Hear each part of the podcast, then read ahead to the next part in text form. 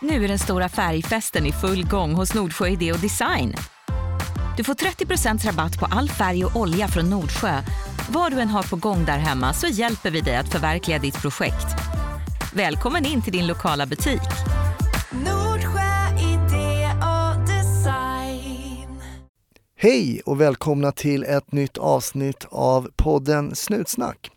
Idag har jag inte bara en gäst utan två. Det är två stycken insatspoliser och vi ska få höra hur det är att eh, jobba som det. Eh, och de här två sticker ut på ett sätt och kanske lite mindre i framtiden men det eh, får vi se. Så alldeles strax eh, prata om insatspoliser och det är Lina och Linn som gästar. Du vet väl att eh, Snutsnack finns på Facebook, in och gilla oss där. Vi har ett eget Instagramkonto som heter Snutsnack och vill man följa mig på Instagram så heter jag Hasse Brontén där. Men då är det även lite trams och annat, men det får ni leva med. Ja, oavsett om du gör någon egen insats idag hemma eller på jobbet, var försiktig där ute och ha en riktigt trevlig lyssning. 1310 1070 kom. 1310 Odengatan kom. Ja, det är uppfattat. Vi tar det. Slut. Bra. Klart slut. Ja, då sitter jag här med två insatspoliser och många tänker då, ja det är två stora starka killar. Men era fördomar har fel. Jag säger välkommen Lina Tack. och jag säger välkommen Linn. Tack så mycket. Hur är det med er? Det är bra. Det är jättefint med mig. Ni har ju suttit i en bil nu på väg till Stockholm. Jajamän. Från? Ja, från, Från Region Region Bergslagen. Bergslagen. Ja, det är bra. Ni är lite, lite, lite lagom eh, hemligt sådär. Men Region Bergslagen, och där vet jag att ni ingår i insatsstyrkan. Stämmer bra. Regionala insatsstyrkan. Precis, ska vi göra så att för lyssnarna då och även för mig skulle jag säga, för det här förändras ju över tid med insatsstyrkor och piketer och allt vad det kallas för.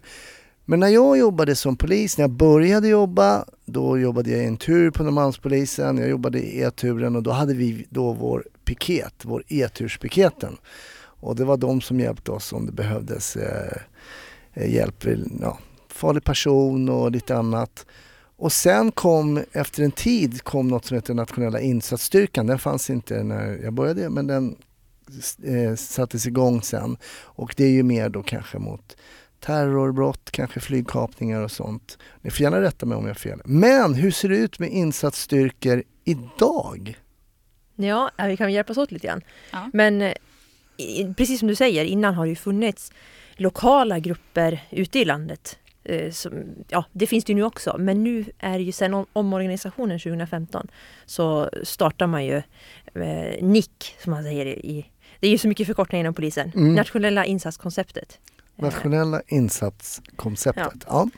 Det är väl egentligen kanske för att ena allting. Eh, och också för att vi lättare ska kunna jacka ihop med varandra.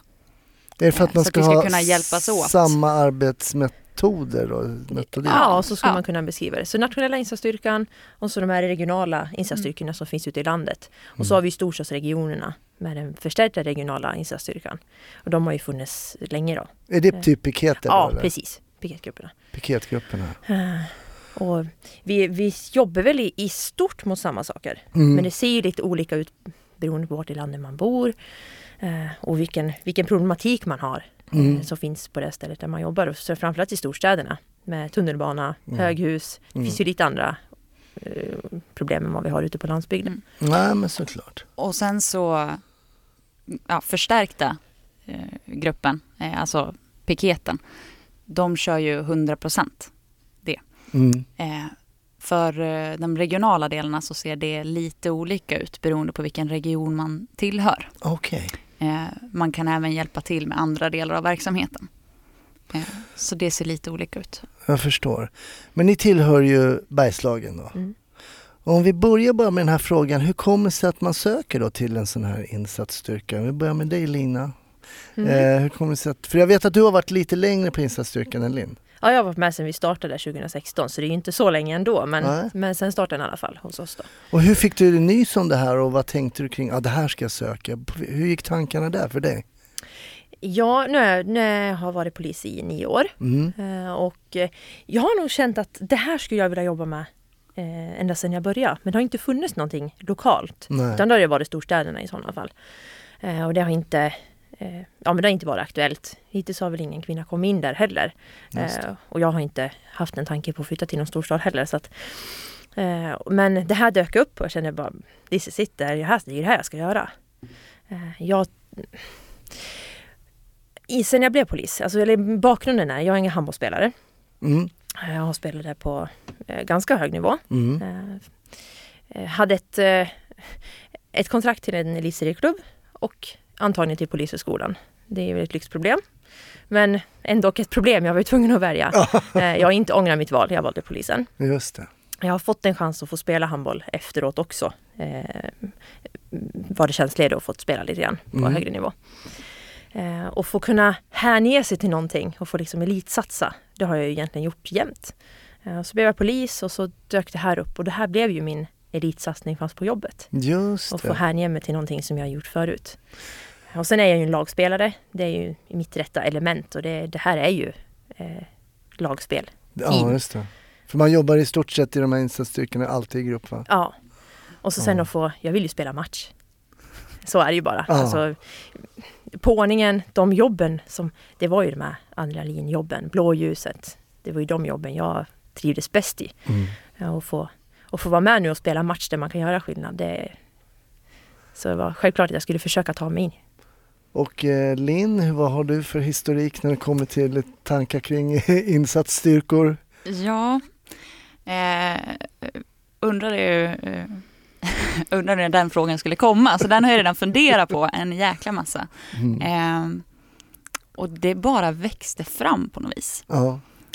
Eh, redan i, eh, under utbildningen eh, så hade man eh, i Växjö ett samarbete med piketen i Skåne. Mm. Där de försökte få kvinnor intresserade till att söka till piketen. Mm. Och då ingick jag i, i den satsningen. Och fick åka ner och prova på testerna lite. Och, de riktade sig väl kanske mm, mot tjejer som var intresserade av träningen. Det var det de fokuserade på. Att man skulle få hjälp att komma upp i tillräckligt fysisk nivå för att klara de testerna. Så det var väl där det började lite med att Men var du något liksom- sånt här kanske man redan, det kanske man kan söka. Var det uppmärksammade de dig för att du var stark eller? Nej men alltså Mm. hur kom det sig att de ville ha med dig då där? Ja, nej, det var inte så att man blev tillfrågad. Nej okej, du hörde av Utan dig. eh, ja, Ja. jag fick reda på att eh, den träningsgruppen fanns. Liksom. Ah, okej. så tänkte okej. jag, ja men gud vad kul. Mm. Det, jag precis, precis som Lina, så jag är också gruppmänniska. Mm. Eh, det blir lite roligare så.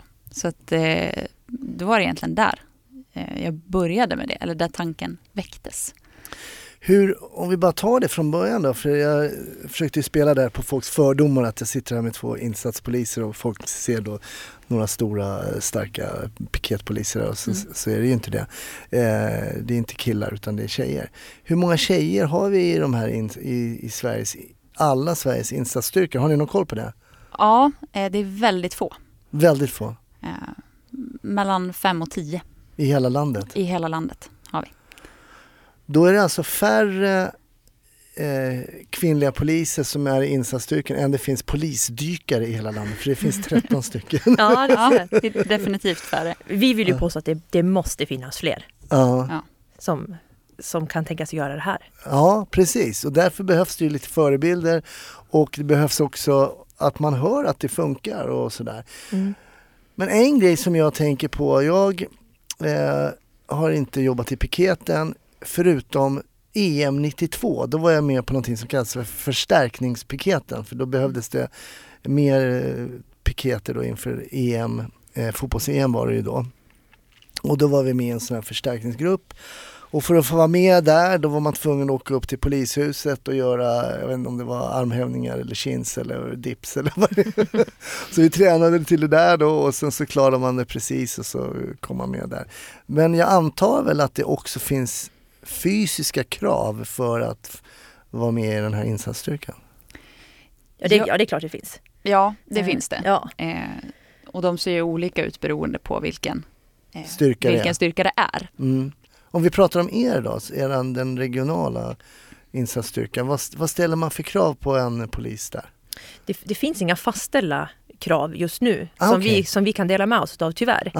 Eh, men naturligtvis så krävs det ju en viss, måste jag ha en viss fysisk nivå för att kunna klara av jobbet, alltså orka med sig själv och sin utrustning. Mm. Eh, och det, Det är ju hård fys på, på testerna. Eh, det är det ju. Det är ju inte en nivå som är omöjlig eh, på något sätt. Eh, men i alla fall som kvinna så får man ju ligga i lite. Eh, får man göra. Är det samma krav på tjejer och killar? Män och kvinnor? Ja, mm. det är det. Ah, det är samma. Och det, det tycker jag är en, det är en jätteviktig fråga för Gud, oss. ja. Eh, Du kan ju tänka själv om man, ja ja, du kom med för du, du har ju gjort andra tester. Just det. Nej, du nej, behövde nej. bara göra en armhävning. Nej men precis. Ja, och testerna finns ju där av en anledning. Mm. Eh, kraven på fys finns ju av en anledning. Det är ju samma uppgift jag ska lösa. Mm. Det spelar ju ingen roll om jag som, som kommer dit är kvinna. Just det. Uppgiften kommer inte bli lättare. Och jag måste lösa den. Då måste det vara samma krav. Skölden är inte lättare liksom- för att vi håller i den. Nej, Nej, det stämmer ju. Okej, så ni tycker att det är viktigt att det är samma krav på alla i insatsstyrkan oavsett eh, om Ja. man är tjej eller kille? Ja. Och sen det, det ger ju en ganska skön stämning också i, i teamet. Vi har gjort, vi har gjort samma tester, Mm. samma utbildning. Just det. Eh, Man behöver inte hävda sig eller mot varandra så utan det, det blir en det, det är ganska det är skönt. Mm. Mm. Men hur har ni blivit mottagna då? Eh, om ni är en av max 10 tjejer i landet och sen är ni i den här, en sån här insats. Hur, eh, jättebra. är det så? Eh, den här fördomen om att det ska vara en machokultur. Mm, Eh, jag tycker inte att, nu kan jag bara prata för, för mig. absolut. Ja. Eh, men det jag har upplevt i, i min grupp hemma och under utbildningen så är det, det är ödmjukt och det är förstående. Man är väldigt inkännande människor, vettiga människor. Det är ja, Vad säger du Lina? jättebra. Nej, jag, jag kan inte annat än hålla med. Jag var ju med i min grupp från start. Så Mm. lite, Ja. Vi jobbar i samma grupp och Lina har ju kommit in i efterhand här. Då. Eh, Jag var ju med från början. Det gjorde kanske det hela ännu enklare för min del. Att man Mm. inte kom in i någon befintlig kultur utan jag har ju fått varit med och, och satt den själv. Liksom. Eh, Men inte, inte en gång det har varit en, en gliring eller eh, något Okej. kvinnoförnedrande skämt. Eller, inte, inte det jag är och med de jag jobbar med. Eh, Och det är jätteskönt. Och det är väldigt ödmjukt och trevligt. Liksom. Om vi backar lite grann bara för de lyssnare som eh, inte har kännedom om insatsstyrkor. Det märker man att jag inte heller har riktigt här nu. Men om vi bara liksom eh, om vi bara delar upp då vanlig IGV, liksom en ordningspolis som åker radiobil. Och vad är skillnaden på arbetsuppgifterna eh, jämfört med att åka radiobil eller de jobben som ni är satta och utbild, vad utbildar ni er för att göra som inte radiobilarna kan göra? Vi utbildar oss för att hantera egentligen två typer av jobb. Eh, antingen högriskjobb, eh, där det är en hög hotbild. Det kan vara exempelvis eh, beväpning, eh, skjutvapen, eh, kniv i vissa fall. Gisslansituationer, eh, sånt. Man skulle sammanfatta det som eh, lite mer farligare och mer kom, komplicerade Ja. eh, situationer ska vi kunna hantera. Mm. Och om vi, vi, vi jobbar tillsammans med, med ordningspolisen. Eh, framförallt i, på, på mindre ställen där vi Ja. är så är vi, vi jobbar tillsammans. Mm. Eh, vi har lite mer utbildning, mer utbildningstid. Vi har mer utrustning, Mm. mer skyddsutrustning som kan göra att vi kanske kan jobba på ett lite annorlunda sätt. Och så, får vi ju, och så kommer vi med en ökad numerär. Det blir ju ett gruppmoment när vi kommer till skillnad från en, en ordningspatrull då, som kommer på två. Just det. Eh, Så det är väl egentligen liksom den stora skillnaden skulle jag säga. Ja, och sen att vi jobbar i grupp så kan ju vi... Eh, dels så är vi ju samövade kanske på ett annat sätt. Eh, och kan anpassa taktik efter det. Ja. Så. Men det här med att jobba för att det är ju, eh, om man tänker på det ni berättar så ni kommer ju kanske i framtiden att just åka på de här jobben som är eh, farligast. Ja. Vad, vad känner ni inför det? Jag menar, För jag menar om vi säger att vi har en beväpnad person, vilket vi märker idag, det finns mycket vapen Mm. i omlopp oavsett egentligen i Sverige var det än är. Så ser vi att det är mycket vapen, vi hör att det är explosioner. Senast inför idag så var det i Stockholm på Söder och det var någonting sådana saker. Mm. Hur känner ni kring det här att ge sig in i, i där det liksom är som hetast kanske? Till att börja med så, eh, jag tror att alla poliser blev ju någonstans polis för att man vill, man vill hjälpa. Eh, och man vill kunna, man vill kunna påverka. Eh, och det är ju de situationerna där du verkligen, verkligen kan göra det. Eh, och jag tror att många eh, som jobbar i den här typen av verksamhet också är eh, människor som vill man vill verkligen utvecklas, utbilda sig, bli så bra man kan.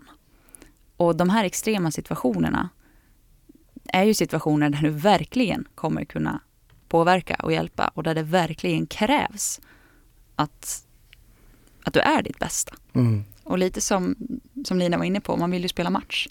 Mm. Det är matchen. Det är Mm. liksom, Mm. det där är ju finalen. Det är det man tränar och tränar och tränar för. Det är det man ska toppleverera. Men jag tänker att hotet kan ju vara större. Jag menar, där, där ordningspolisen får stanna, bryta, eh, avvakta, kalla då på en grupp och det är ni. Mm. Ni kommer inte stå vid den här brytpunkten och ni kanske måste passera brytpunkten och ge er in liksom i, i den här lejonkulan. Finns det ingen, hur, hur är tanken kring det? Känns inte det lite extra eh, scary? Fast tänk vad fint att få- vara förstärkningen. Ja, och jo, få, få komma till dem då. Ja. Men där är väl skillnaden att vi, vi, har, vi har fått träna lite mer. Vi, Mm. har, vi har den här lite mera skyddsutrustning än vad de har. Mm. Så vi kan göra skillnad. Eh, Men att jag tycker känslan att kunna, någon måste ju göra det. Mm. Och jag, Mm. jag kan, Du vill vara en av dem? ja, och jag förhoppningsvis så kan jag och vill och Mm. kunna göra skillnad Mm. när det verkligen behövs. Och, och sen sitter vi inte här och säger att vi inte kommer känna någon form av rädsla. Nej, nej. Eh, det, nej. Det är nästan omöjligt, eh, precis. Det vet vi ju som har jobbat som polis ett tag. Mm. Att det, den känslan kommer och går lite på olika sätt också. Mm. Men känner ni att, för det har vi pratat om i podden eh, vid ett flertal gånger, att ibland så vet man liksom inte riktigt hur man ska reagera eh, vid vissa situationer och det fattar man först efteråt. Ja, men ah, jag reagerade jag trodde jag skulle vara, kanske bli jätterädd för någonting och så blev jag inte det utan jag var sansad men efteråt var det jobbigt och, och så vidare. Och så vidare. Har ni gått igenom jag menar den här biten i huvudet lite grann också? Ni har ju säkert varit med om saker i, i, i ordningspolistjänsten som har, där man blir triggad på ett eller annat sätt i situationen. Men har ni gått igenom de här liksom mentalt också? Hur ni, Absolut. Ja, Jag skulle säga, vi, vi pratade om det på vägen Mm. hit, liksom, med, med den mentala förberedelsen. Eh, egentligen varje dag sedan jag blev polis och fick ut min, min första pistol, så varje dag jag plockar ut den ur skåpet så har jag ju jag, jag, vet, jag vet ju varför jag sätter den i hölstret. Jag vet att jag kan behöva använda den. Mm. Och där är ju den men- mentala förberedelsen liksom på lång sikt och även på kort sikt, men varje dag. Eh, jag fick, eh, eh, det får väl jag berätta i mitt case sen, det var, det, jag fick ju kvitto på det till slut. Okej. Ja, det ska bli spännande att komma till, till, eh, till ditt case. Eh, Lina sitter här och är sugen på att berätta men vi ska, vi ska höra mer kring, kring insatsstyrkan. Hur, och hur mycket träning behöver en sån här insatsgrupp för att bli bra skulle ni vilja säga?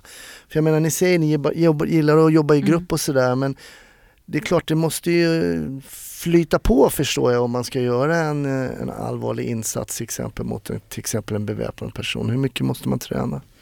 Sen är det också, vad är bra? Och ja, Mm. någonstans så måste man ju också, ja nu, det här är tillräckligt bra Mm. för att kunna jobba. Men ja, vi har ju en 15% utbildning, står det i våra, i våra papper. Okej, Eh, mm. Men den, den största utbildningen bedriver vi varje dag när vi jobbar. just det. Att genomföra insatser hela tiden. Planera, föröva, genomföra och sen utvärdera. Det är ju den, det är ju den bästa träningen vi får. Just den det. sker ju i vardagen. Mm. Eh, Lite som att man blir en bättre polis, polis efter man har jobbat lite tag. Kanske inte man är bäst direkt efter skolan när man bara har, har teorin. Nej. Precis. Man behöver, det behöver rulla lite grann och man vet vem som står bakom och så vidare. Och så Så vidare. får man ju Mm. plocka ur. Efter varje skarp insats så får man plocka ur vad gick bra, vad gick mindre bra. Öva på det som gick mindre bra. Och så hela tiden sträva efter att bli bättre. Ja. Och där kan väl jag uppleva att eh, i alla fall vi i våran grupp är ganska duktiga på att använda just de här vardagliga eh, händelserna och casen. Mm. eh, i att titta på dem och utvärdera dem på ett mer systematiskt sätt. Så att vi Mm. verkligen tillgodogör oss allting. Mm. Eh, och också titta på de casen vi gör och vad behöver vi öva på på nästa utbildningsdag. Mm. Kollar ni även på andras case också? För det, det kan jag menar det kanske finns eh, insatsstyrkor som har gjort någonting, kanske som uppmärksammas i media. Är det sånt, diskuterar man sånt också? Vad hade man kunnat göra alternativa, eh, är det något sånt man diskuterar också eller? Jag skulle nog säga att det är ganska svårt för det, Ja. Mm. det som framställs i media, man, det blir ju bara en sida eller Mm. inte kanske ens en sida utan bara en liten del. Mm. Jag tycker det blir ganska svårt att, att utvärdera när man inte har varit på plats Nej. och inte insyn i just den insatsen. Jag tänker utrustningsmässigt och sådär så berättar att ni har mer utrustning och det är väl både skydds... Men ni har ju också till exempel förstärkningsvapen, alltså vapen Mm. som utöver eh, den, det vapnet som en vanlig polis har, har ju en 9 mm Sig Sauer men ni har också förstärkningsvapen va? Ja, flera olika vapensystem. Fler, och hur var det då att börja ta in olika vapensystem och mer utrustning och det blir mycket mer att tänka på Mm. tänker jag. Jag var ingen prylmänniska innan jag blev insatsoperatör. Det var Man har så? inte så mycket till val. Nej det är så. Ja. Och- vissa, det, det är klart ibland bara, åh det är kul med nya grejer, men varje pryl kräver ju sin utbildning. Ja. Eh, Ja. Och, så, och så att man ska hålla efter och upprätthålla. Ja, man har ju sett någon bild ibland på någon insatspolis i, jag vet inte, till exempel i samband med om det var Drottninggatan det är ju liksom de ser ut som julgranar nu för tiden. Alltså, det är så mycket prylar, de ska ju med också. Ja, Alltså får man en ny grej så visst den är väl bra men den ska ju liksom följa med på något Mm. sätt också. Men det, det där tycker jag är precis samma grej om du kollar på precis färdigutbildade poliser. De är så kittade. De har ju saker överallt. Och så kollar man den som har jobbat i tio år. Nej, den här behöver jag inte. Nej, när använde jag den här sist? Nej, bort med den, den är i vägen. Ja just det, allt är tungt.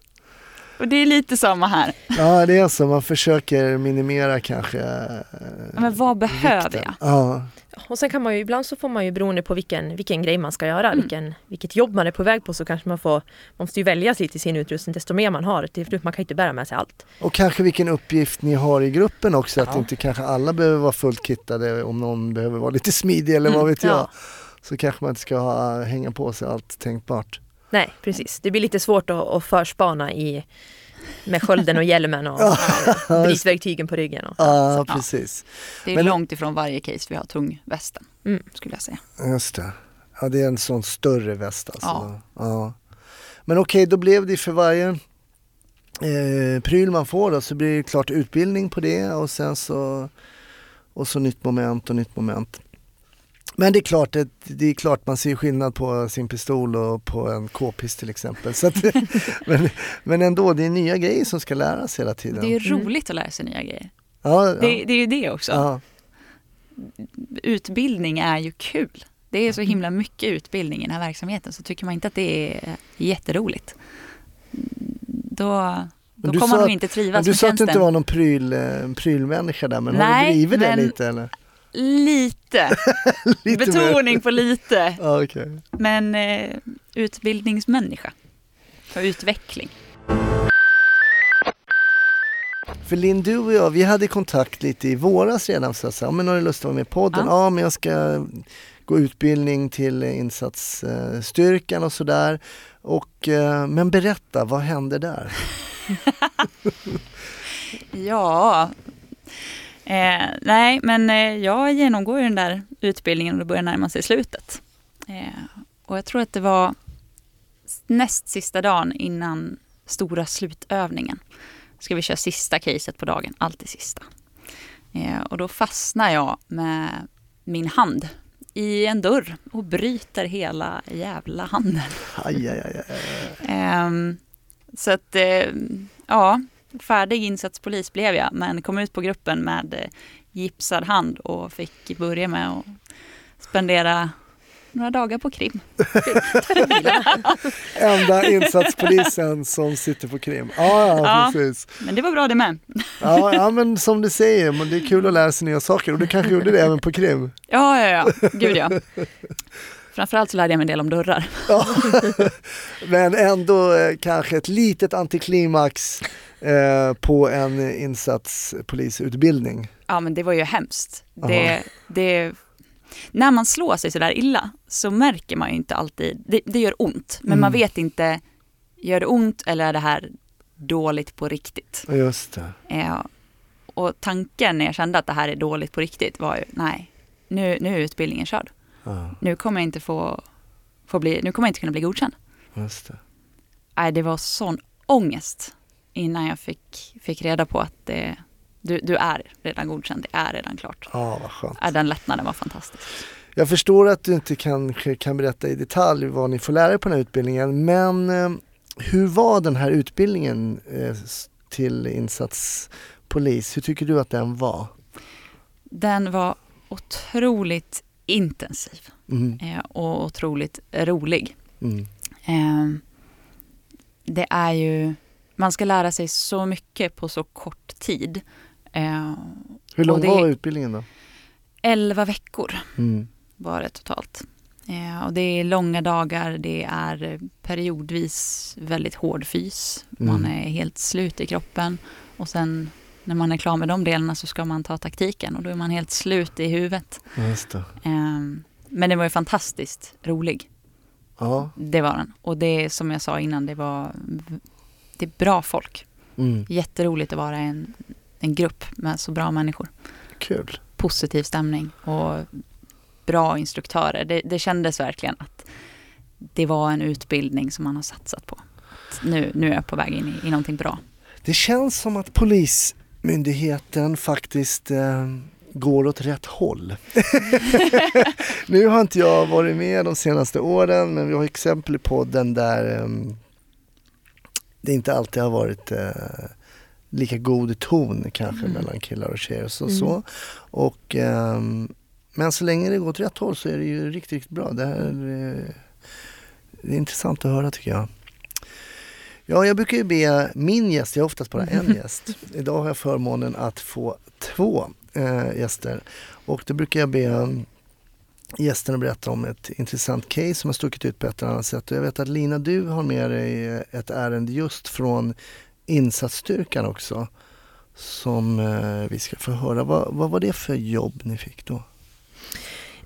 Ja, det är... eh, Jag tänkte jag kan komma till, när jag berättar case så kan jag berätta varför jag valde just det här. Men Mm. jag kan börja med att berätta vad, Mm. vad som hände. Absolut. Eh, Vi, vi var inte på jobbet, vi jobbade inte den dagen. Utan eh, eh, jag hade varit hos mina föräldrar och på väg hem. Eh, På parkeringen hemma så blir, vi, blir jag inringd och vi behöver komma till jobbet. Det är en, eh, en man som har skjutit med vapen ut genom ett hus. Men är du, eh, har du någon form av jour eller kan ni bli inringda lite hur som eller hur funkar det? Ja, det där är ju en, en, en lång historia som vi inte ska gå in på men ja, jag, blir- svar, jag svarar i telefon i alla fall. Ja, ja, precis. Man kan inte bli inringd om man inte svarar i telefon. Nej. Nej jag förstår. Ja, så då, och det är lite så, men det är väl därför man har valt det här. Mm. Eh, Mm. det, är klart man, det är klart jag vill vara med. Så Mm. är det ju. Så att, eh, jag åker in till jobbet, eh, landar där samtidigt som en annan kollega. Eh, vi packar på, på oss de grejer vi ska ha och sen eh, åker vi mot, eh, mot eh, insatsområdet. Eh, vi, andra gruppen är på väg in, eller resten utav gruppen, men vi får börja. Vi måste åka dit och, och biträda de, de poliser som redan är på plats. För det här är ju ett ärende som har pågått ett tag. Från det var flera inringare som har ringt in angående den här skottet som hade hörts från huset. Okej. Är det, är det, pratar vi om en villafastighet, pratar vi om en hyreslägenhet eller hur? En, en villafastighet i ett Ja. bostadsområde. Så kan vi visualisera lite Ja, ungefär precis. hur det ser ut. Ja, Eh, vi känner till den här personen som bor på adressen sedan tidigare. Han är Okej. dömd för narkotikabrott. Eh, har eh, enligt uppgifter haft vapen förut. Så vi känner att det, här är, det här är skarpt. mm. Det var våran, övertygelse när vi var på väg fram. Sen är det klart att man måste ju ha den, eh, det mindsetet ändå. Men vi, Mm. vi känner nog att det här, det, det här stämmer nog. Just det. Eh, och poliserna på plats där hade ju ja, inlett, eh, påbörjat där då med och fått ut eh, mamman som också var boendes på adressen och fått ut henne ur huset. Så de hade ju skapat en, eh, en separation som vi kallar det, mellan eh, den här mannen då och eh, kvinnan i huset. Så på så vis så har de isolerat henne sen till huset så att det var ju ett, ett bra jobb så långt innan Mm. vi landade in. Mm. Eh, på vägen fram så hör vi att eh, det, det är ju aktivitet på adressen. Han, han finns där eh, och vi hör hur de beskriver att han håller på att klättra ut genom fönstret på övervåningen. Eh, och eh, att han hoppar ut genom fönstret. Så jag tänkte att då är nog kanske caset över då. För vi visste också att han... Ja, särskilt om det är från övervåningen. Ja men precis, och så att han, eh, vi, vi kände till sen tidigare att han hade han var i ganska dåligt fysiskt skick efter en, en olycka sen tidigare. Så att vi tänkte att då är det nog över innan vi kommer fram. Men Mm. eh, så var inte fallet. Utan han reste sig upp där, det var i en snödriva, det var i februari eh, Okej. 2017. Eh, och i ena handen hade han en ficklampa och i den andra handen hade han en, ett vapen. Eh, meddela patrullerna på plats. Okej. Hur långt ifrån, när ni har den här informationen, hur långt bort är ni då? Är ni redan på plats? Nej, vi är nog minuter därifrån. Minuter därifrån? Eh, vi hade ungefär två mil in till station och två mil därifrån. Ja. Okej. Eh, Så vi hade ungefär fyra mil att köra. Mm. Ehm, eh, Vi landar in med bilen och vi ser till att plocka med oss, vi har skyddsvästen på oss, hjälmen och ser till att få med oss skölden ut. Eh, För det är den, den skillnaden vi kan, vi kan göra när vi kommer fram. Nu var ju vi också bara två då, eh, som resten var på, på ingång. Så en, eh, en polis på plats han visar in oss vart vi vart det var någonstans. Mm. Vi har också fått höra att han har riktat vapnen mot poliserna som, som var där ute på, på gården. Eh, De hade sökt skydd där och inte besvarat med någon annan. De hade inte skjutit mot den och så. Nej. Eh, Men de hade i alla fall lyckats fått han till en, ett uthus. Han stod på farstukvisten till det där uthuset. Och där visar de in oss då, att han står här. Och vi hade ju fått begränsning därifrån för de hade ju även tagit dit ledning då som hade tagit över eh, insatsen och vi hade ledning på plats. Eh, och att han får inte lämna eh, gården här för det är ju ett bostadsområde, det är andra boende här. Så det hade vi med oss att det var den inriktningen vi hade. Eh, Och vi kommer fram där en, en gärdsgård som eh, avgränsar eh, gården. Då. Mm. Ehm, Så vi tar en liten, lite standard där, vi ser att han står där uppe. Liksom, hur ska vi göra nu? Vi kommer fram till jag och kollegan att vi måste ta oss över den här gärdsgården för vi måste försöka räta ut vinkeln. För om han lämnar sin farstukvist här nu, då hamnar han mellan oss och de andra poliserna Okej. på, som Mm. står på gården. Och då kommer inte vi kunna i nödfall verka mot han här. Just det. Så det, det kändes som ett bra beslut. Vi tog oss över gärdsgården, kom i en bra vinkel och så försökte vi, han hade inte sett oss då, men då försökte vi överta eh, hans uppmärksamhet liksom, mot oss. Vi tände upp våra vapenlampor, liksom visa att det, så- för vi hade bättre skydd än de Mm. poliserna som fanns på gården. Men hur känns det? Alltså du drar ju då uppmärksamhet mot dig själv. Hur kändes det i det här läget? Du vet att det finns en beväpnad person och du riktar uppmärksamheten mot dig och din kollega som, alltså mot dig själv. Hur, hur känns det i det här läget? Jag, jag, bra! Det låter jättekonstigt. Men vi har övat på det här. Eh, Vi hade skölden med oss. Den är inte ett hundraprocentigt skydd. Men det är ett bättre skydd för oss än vad det var för de andra poliserna. Okay. Och vi är ju, vi är, vi är ju team allihopa. Vi måste, alla ska komma hem. Mm. Och vi har störst chans att, att reda ut den här situationen så som vi stod där och då. Mm. Eh, och han är väldigt upprörd den här mannen. Han står där, han far runt där liksom på den där farstukvisten med ena handen bakom ryggen hela tiden. Eh, så vi misstänker väl vad han har i den. Men vi ser ju ingenting. Nej. Eh, vi försöker prata med han. Eh, kollegan försöker prata med han att han ska visa händerna. Han visar ena handen. Han byter, visar andra handen. Men han visar inte bägge händerna samtidigt. Nej. Jag tänkte att jag kan ju försöka. Eh, En kvinna kanske kan, en kvinnoröst kanske kan bli något annat. Mm. Men det hjälpte inte heller. Han skrek att vi skulle skjuta när han ville dö. Då har ju vi uppfattat hans mål i det här. Okej, han skrek att han ville dö. Skjut mig. Skjut Eh, mig. Och det är ju, är ju inte vårat mål, såklart. Nej. Eh, Så vi, vi försökte ju under en, en tid där försöka prata med honom, men det, det går inte. Till slut så är det någonting som förändras hos den här mannen. Han stannar upp liksom och vänder upp sig mot oss. Fortfarande med handen bakom ryggen. Man ser att det, en- det sker en förändring med han. Är det kroppsspråket eller? Ja, det... blicken, kroppsspråket, man ser att nu är det något på gång liksom. Mm. Och sen tar han fram handen han har bakom ryggen. Eh, långsamt. Eh, men han tar fram den och håller den eh, längs med ungefär sitt lår. Man håller den rätt ner liksom. Han, armen. Och vi ser ju båda två, jag och kollegan, att det är ju pistolen. Så tydligt. Du säger, hur långt ifrån är, är ni här ungefär? 10-15 meter, 12 Mm. kanske. Mm. Någonstans där. Så jag ganska, tror inte fullt 15 men Mm. ganska nära egentligen. ja, hyfsat nära är vi. Så vi. Det var ju mörkt ute men vi hade ju vapenlampor, det fanns ju belysning på, på gården. Så vi, Mm. det, var, det var tydligt vad det var han plockade fram för någonting. Mm. Eh, Så vi, vi skjuter både jag och kollegan. Eh, Och kollegan skjuter kanske sekunden före mig och träffar han i, i vänster ben, i vänster lår. Mm. Och han går ner direkt. Eh, Vi fick ju veta sen i efterhand att lårbenet gick ju av. Så det var ju därför han föll så, så kraftigt. Eh, Och mitt skott sitter precis bakom i en fönsterruta. Så det var ju tur det att det bara blev ett då. Just en träff så Ja. att säga. Eh, Vad händer efter det här då? Ja, vi... Vi får ju, måste ju gå fram och se liksom hur, ja, är han fortfarande beväpnad? Har han pistolen i handen? Är, eller har vi, har vi löst ärendet just nu? Just. Eh, för vi var ju beredda, vi börjar ju, vi har ju pratat om det efterhand, men jag var ju, jag siktar ju lågt eh, mot, eh, mot benet. Eh, men jag var ju hela tiden beredd om jag behövde ta en ny riktpunkt. Just det. Eh, eftersom tills ärendet är, liksom man vet att det är över. Mm. Så jag avancerar fram där bakom skölden och ser att han ligger ner och då ligger pistolen en bit ifrån honom. Så då, då, ja, det är kollegan som håller i skölden så då växlar jag över och så eh, tar jag kontroll över han. Och vad händer då, då när du kommer fram? Du ser att pistolen eh, ligger, en, han är så att säga oskadliggjord då för Mm. tillfället i alla fall, rent med det vapnet. Vad har du för tankar då när du kommer fram precis till honom där? Ja, men jag ser att han har ingenting i händerna. Så jag säkrar upp hans händer Mm. eh, och få- kontroll över han där och då kan kollegan komma fram och då, då är ju liksom den delen över.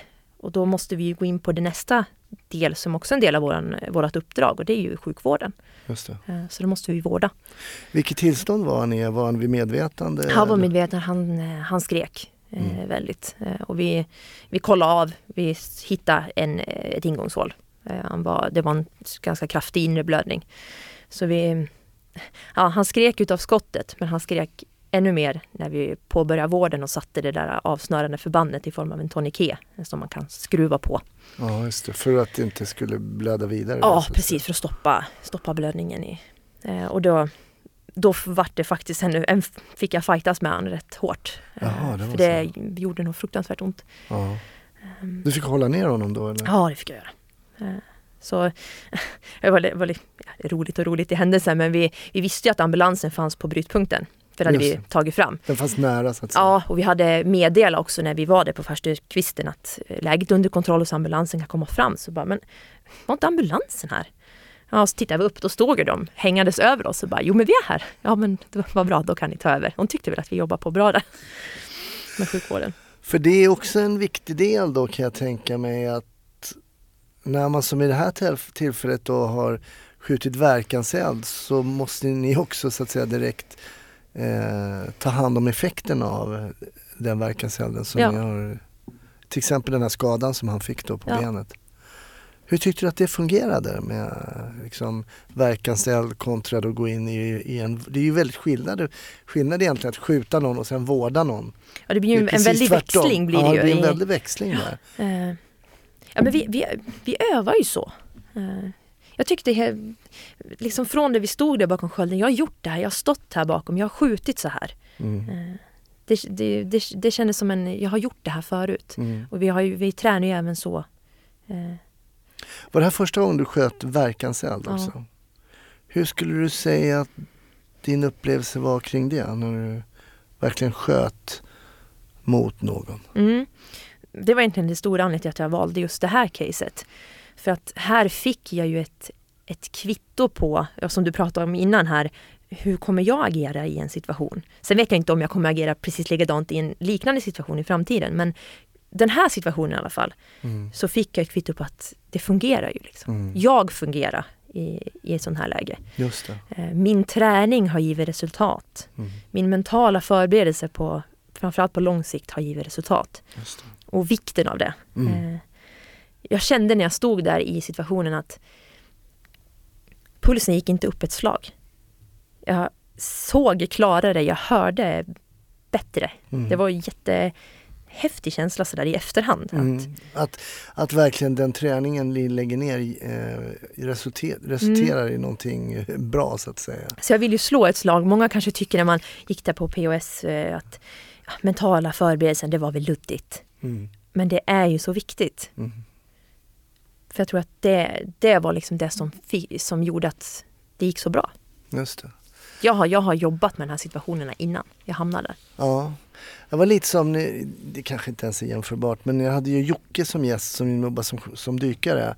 Och han sa det att anspänningen att gå ner under ytan och leta efter en drunknad person första gången var ju såklart eh, mycket större än när han gjorde det nästa gång. Och jag kan tänka mig att det gäller ganska mycket inom det polisiära att när man har, vet hur man har reagerat på en situation så kan man kanske slappna har vi Mm. det i alla fall en uns eh, en liten uns till nästa så att säga. Sen är ju som du nämner varje situation är ju unik så att eh, man vet ju aldrig vad som händer. Men Linn, du som inte var med här när du hör den här eh, när du hör om den här situationen, vad, vad, vad tänker du då? Att jag hade velat vara med. Eh, ja, det- är det så alltså? Man, Ja, men så är det ju. Det ja. blir ju samma sak när du målade upp de här äh, scenarierna där folk flyr och hur det känns för oss att, att gå in. Ja.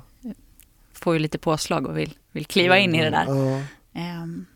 Men annars hade jag inte sökt mig hit överhuvudtaget Nej. om jag inte hade känt det. Nej, precis. Det är ju någonting också när man jobbar som polis, eh, nu talar jag bara för mig själv såklart, men ibland tycker man att det är tråkigt när det inte händer något, men på ett sätt är det ju bra att det inte händer någonting, för då sker det kanske i alla fall inte ett anmält brott just då och det är så det ska vara. Men oavsett kanske vilket yrke man har, vi har så vill man ju visa att man bra på det och vill utföra de grejerna man har lärt sig och så. Så jag, jag kan ha en viss förståelse för det du menar. Jag tror att en del lyssnar, vadå vill ni att folk ska stå och skjuta? Nej, Såklart inte. Så, Det- så är det absolut. nej precis. Såklart, såklart. Eh, men man vill göra, jag förstår att du, Men när det händer, då vill du vara vill- där. Ja, Det kan få hända på mitt pass. ja precis. precis. precis. Ja. Men sen så, Men det måste också vara, det här är ju såklart en stor erfarenhet för Lina som var där och vet hur Mm. hon reagerat och så här, men det måste ju också vara en stor erfarenhet för dig för du kan ju bolla lite, men det är inte många som har en i sin grupp som har skjutit verkanseld och sådär. Det är inte så vanligt ändå. Eh, det är ändå någonting att bolla med och ta in liksom erfarenheter från. absolut, Mm. så är det. Eh, och det gäller ju egentligen med, med resten av min grupp också. Det är det som blir fördelen, tycker jag, för mig som kommer in i en grupp som, som redan är klar. Mm. om man kan säga så, jämfört Mm. med, med Lina som var med och startade upp allting. Att ni har ju redan kommit så pass långt i, eh, men i taktiken och hur, hur man jobbar och varit med om så mycket. Så att det är en sån lyx att, att komma dit och kunna få suga åt sig eh, Mm. allt det här. Men sen är det också väldigt skönt att höra hur, hur bra det, det har gått och att träningen har gett den där effekten. Mm. Eh, det, Ja, men det Det- måste det ju vara tillfredsställande på något sätt. Att, precis, och jag tror att det kan vara vad man än gör. När man måste nöta saker så kan det bli, man ska träna, träna, träna och så tänker man, ah, fan det är ändå aldrig någon som kapar ett plan. Men, men, nej, men och sen är det väl, då, må, då förstår man att fasen var bra att vi nötte det där så mycket. ja, verkligen. Ja, Och det, nu har inte jag varit med om ett sånt insatsjobb. nej. Eh, men jag hade ett case på, på IGV som egentligen är den enda gången jag har känt mig rädd. Ja, Eh, och det var i samband med en stenkastning. Där jag och en kollega blev eh, inträngda egentligen i en, en gränd, eh, kanske 20 personer som bara langade stenar och då pratar vi gatustenar. Liksom. Oj, stora stenar. Eh, och det var mörkt, man bara hör smattrandet, ser knappt vart de kommer. Ja, just det. Eh, och ja, där när jag, när jag larmar och när allting, jag bara hör hur munnen pratar. Eh, det bara flyter på. Att får jag agerar och- ja, den, du får iväg den viktiga informationen och Ja. Mm. Precis.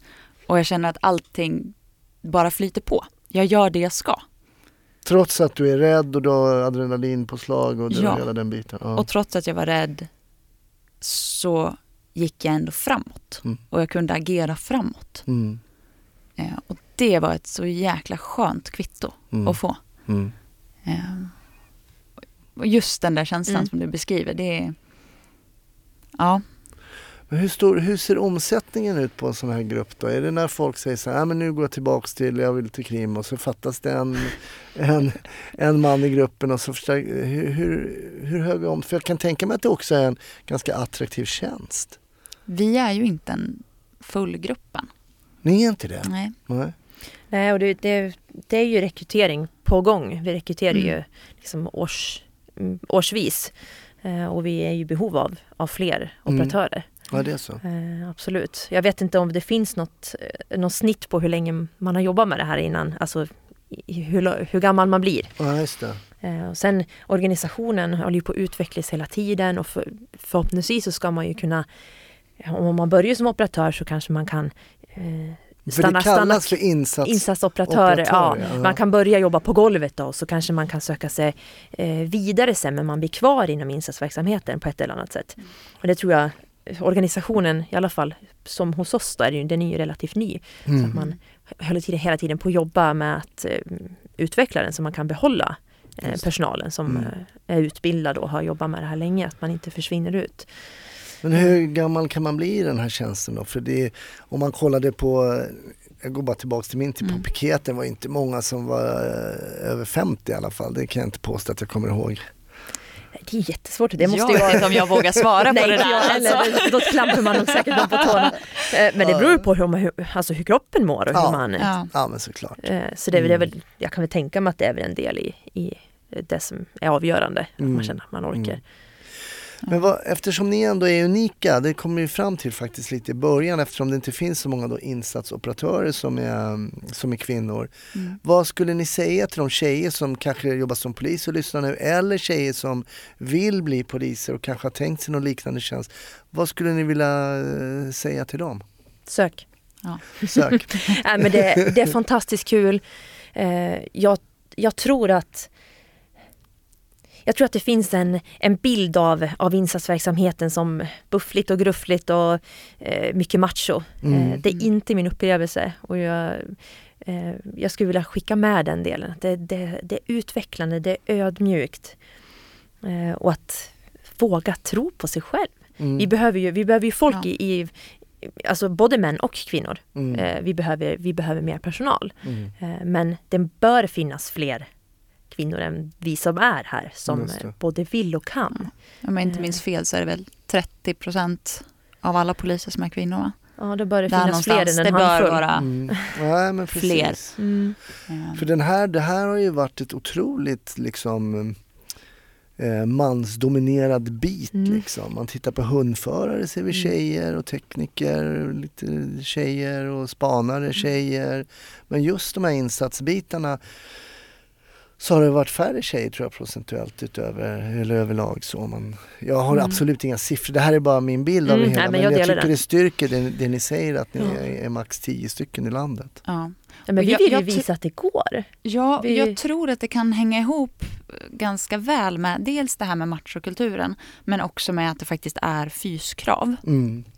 Och det är då, det måste det vara, men de är inte omöjliga. Nej just det.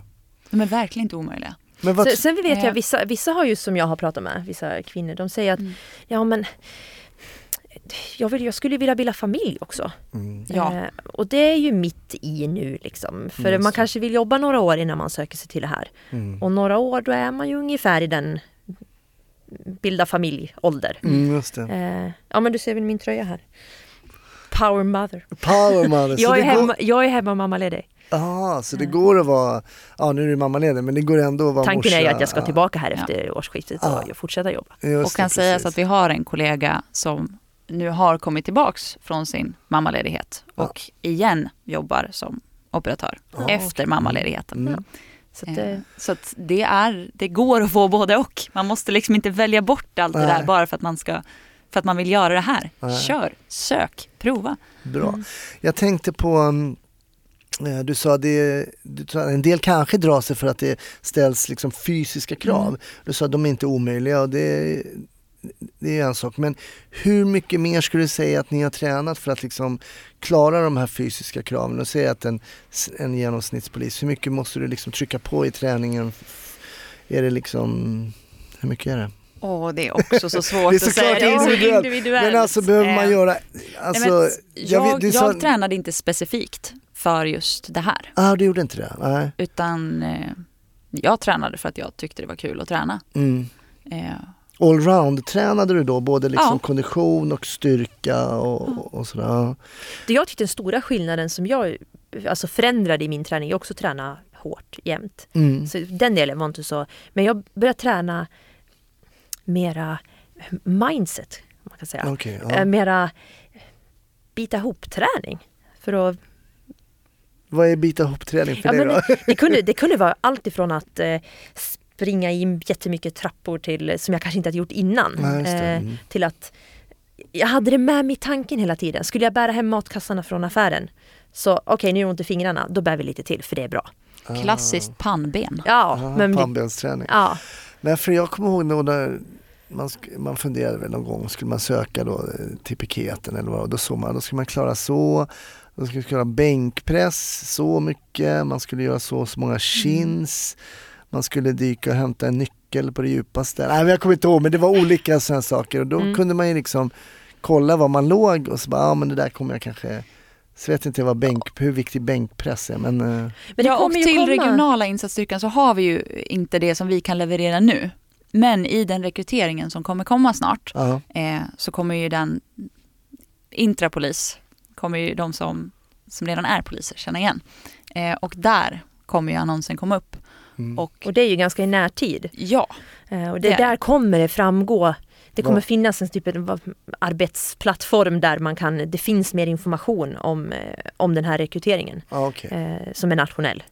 Eh, Men att så hålla där kan man sig... Det kika lite lite om man vill göra en formcheck på sig själv. Ja, okej, okej. Lite konkurrenskraftiga krav Ja. tror jag nog att det kommer komma upp där, så får man hålla utkik. Okej, Vi man- kan inte svara riktigt nu Nej, vad som men kommer. jag, jag eh, misstänker att man bör orka kunna springa en bit, eh, hålla flåset uppe och kunna i alla fall hålla uppe sin kroppsvikt med utrustning och, och sådana saker. Så det, det är klart att jag tror att även den som jobbar som polis och söker vet ungefär Mm. kanske vilken inriktning det är. Eh, men det krävs lite mer än vanlig eh, grundstyrka. Så kan jag ja, uttrycka det. ja, absolut. Det gör det. Ja. Ehm, ja, Mm. så är det. Men sen så kan man också nämna att styrkan är ju en liten del. Absolut, absolut. Det är ju så mycket viktigare vad du har i skallen. Det är sant, men jag kan tänka mig att jag tänker på den här händelsen som Lina berättade, att den kunde bli en utdragen händelse, det kan bli fysiskt jobbigt och så vidare. Då måste vi ha de här insatspoliserna som orkar den här lilla, lilla, Mm, lilla mm. extra sträckan också. Så att, eh, men jag håller med dig, det är ju mindset och även um, svadan ska ju vara god också. Det, för mycket löser vi ju med, med bra snack. Mm. Absolut. Så härligt att vi säger vi. En gång, En gång polis, alltid polis. Så är det. Men jag skulle vilja fråga en sak till där eh, angående den här händelsen då. Eh, sen kom ambulansen och den här personen eh, fick väl, ja, tog sig till sjukhus antar jag, Mm. och man tog hand om honom. Vad hände mer sen då? Du berättade tidigare att ni går igenom de jobb ni har gjort och ni utvärderar det. Men jag kan tänka mig att ni kanske hade någon debriefing eller någonting. Absolut. Ja, Mm. så blir det ju det blir tillhörande utredning såklart då, om det, vi har gjort rätt och riktigt och vapnen ska undersökas och våra vapen Mm, och ja, mm. med det som, vad det tillhör och, och sen blir det så småningom rättegång. Och, men just efter där så då, ja, debriefing med, med gruppen och, Mm. Och det, är ju, det påverkar ju, inte bara våran grupp utan även eh, debriefing med alla som var inblandade. För det är ju också viktigt att dela bilden och...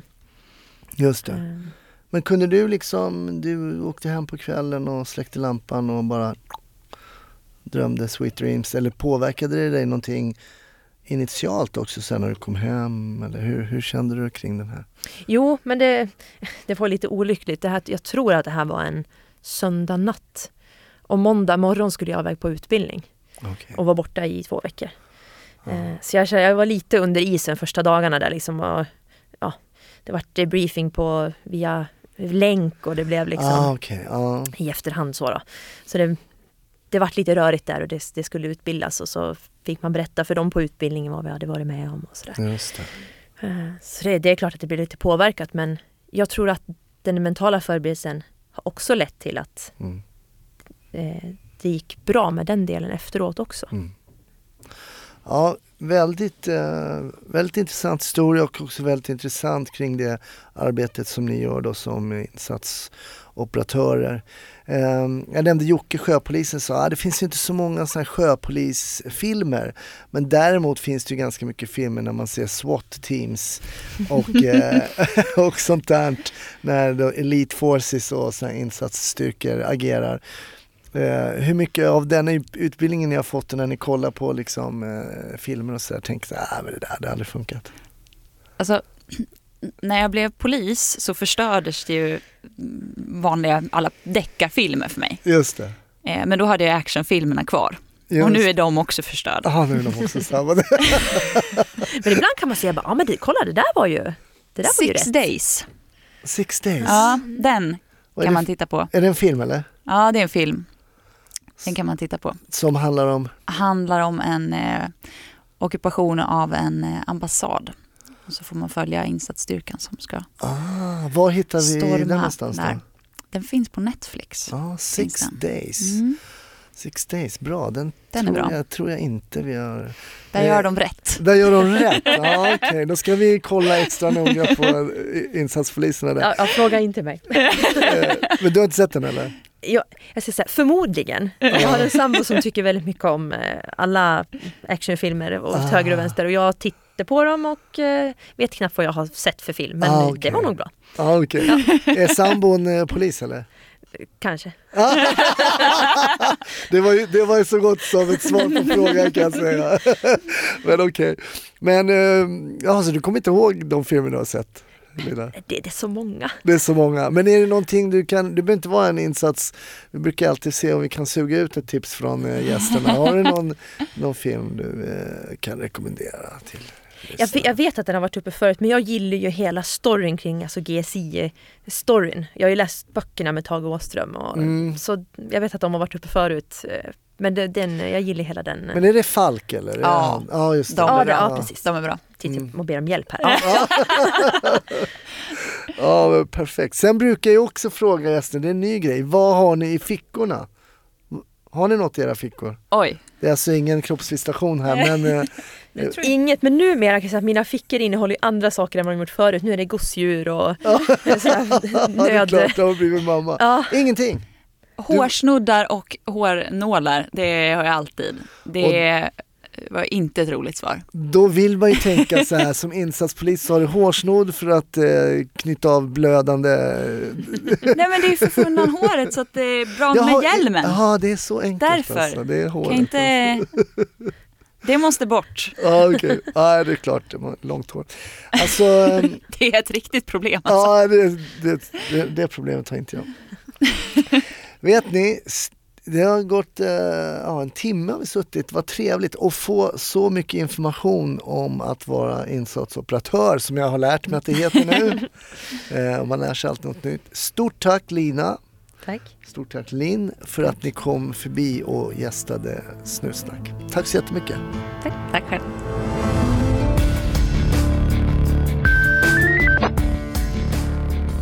Stort tack! Ytterligare ett avsnitt av Snutsnack är över. Men hav förtröstan som jag brukar säga. Det är ändå bara en vecka bort till ett nytt avsnitt och jag hoppas verkligen att vi hörs då. Annars är du välkommen att smita in på Facebook eller på Instagram så ses vi där. Ha det fint! Hej då!